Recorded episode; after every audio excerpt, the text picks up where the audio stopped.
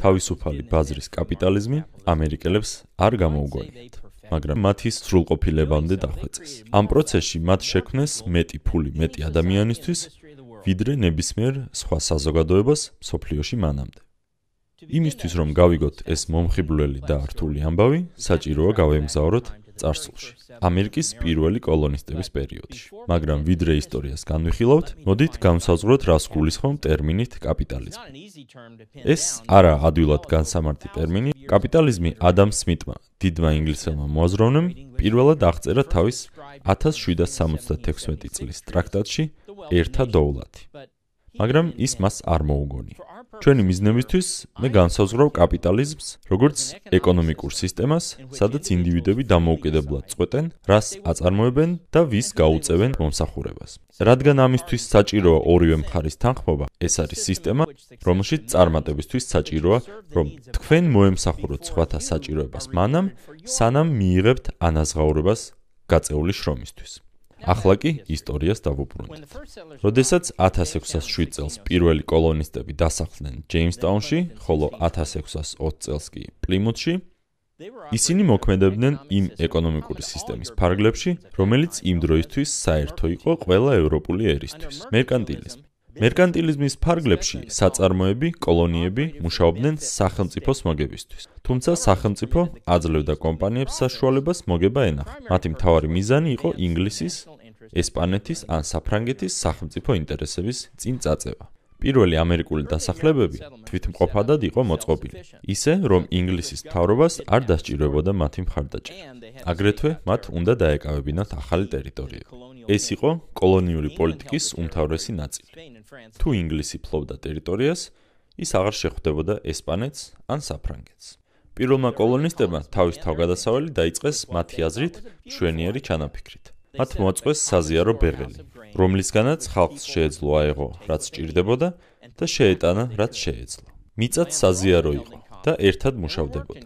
კოლონისტებს საკუთარი მიწა არ ჰქონდათ. მიუხედავად იმისა, რომ მათ ამ სისტემისთვის სახელი არ დაურქმევიათ, ეს იყო იდეალური სოციალური კომუნა. ალბათ შეგიძლიათ წარმოიდგინოთ რა მოხდა. ძალიან სწრაფად ეს სისტემა ჩამოიშალა.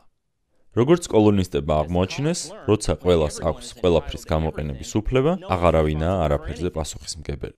ის კოლონისტი, რომელიც შრომას დილით ადრე იწყებდა, ანგუიანობამდე მუშაობდა, ღებულობდა იგივე საკვებს, რასაც ის, ვინც მუშაობას გვიან იწყებდა და სახლში მალევე მიდიოდა. დაახლოებით 2 წელიწადში ჯეიმსტაუნის მაცხოვრებლები ვირთხებსა და ფეხსაცმლის ჭამაზე გადავიდნენ. კაპიტანმა ჯონ სმიტმა, სწორედ ის პოკაჰონტასში რომა, ხელში ჩაიგდო კოლონიის მართლობა და მოშალა სოციალური მოდელი. თითოეულმა კოლონისტმა მიიღო საკუთრებაში მიწის ნაკვეთი. ახალ სამყაროში კერძო საკუთრება გაჩნდა.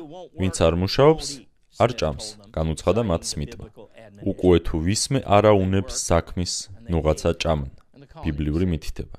იგივე განმეორდა ჩtildeოეთით, პლიმუთში, 10 წლით უფრო გვიან. თუმცა ეს პურიტანული დასახლება იყო რელიგიური ფასეულობებით, გეგმა იგივე ჰქონდათ რაც ჯეიმსტაუნში და ისიც ჩაიშალა. როგორც შემდეგ პლიმუთის ახალგაზრდა მართველმა უილიამ ბრედფორმ აღნიშნა, კომუნური სისტემის მიღებით ჩვენ თავი ღმერთზე უფრო ჭკვიანები გვეგონაო. ასე რომ მათაც მალევე მიივიწყეს კომუნა და გადავიდნენ კერძო საკუთრებაზე. მალე დოვლათიც გაჩნდა და მათ ეს დღესასწაულით აღნიშნეს, რომელსაც დღეს მადლიერების დღის სახელით ვიცნობთ. შემდგომი 150 წლის განმავლობაში ეს მწარე გაკვეთილი, რომ ადამიანი თავად უნდა იყოს პასუხისმგებელი საკუთარ ეკონომიკურ ბედზე, კოლონიებში ჩვეულ სიბრძნედ იქცა. ამერიკული რევოლუცია დიდწილად სწორედ ბრიტანული მერკანტილიზმის მძიმე ტვირთის წინააღმდეგ იყო მიმართული. ყველაზე კარგად ცნობილი მაგალითი ორი გადასახადია. ჩაის გადასახადი და გადასახადი ნაბეჭ ნაწარმზე. მართალია, დამოუკიდებლობის მიღწევის შემდეგაც კი დაფუძნებელ მამებს არ შეიძლება ეწოდოთ კაპიტალისტები. იმ დროს ჯერ კიდევ მხოლოდ იწებოდა კაპიტალიზმის, როგორც ეკონომიკური სისტემის იდეის განხილვა. თუმცა, ბევრი გავლენიანი დაფუძნებელი ინტუიციურად თავისუფალი ბაზრის პრინციპებისკენ იყო მიდრეკილი. თომას ჯეფერსონის კერძო საკუთრების იდეებმა განაპირობეს 1985 წლის განკარგულება მიწის შესახებ, რომლითაც კერძო მოსახლეებს მიეცათ უფლება საჯარო მიწები ეყიდათ. ალექსანდრ ჰამილტონის გარიგებების სიწმინდის კონცეფცია კი 1991-92 წლების პანიკის დროს გამოვლინდა.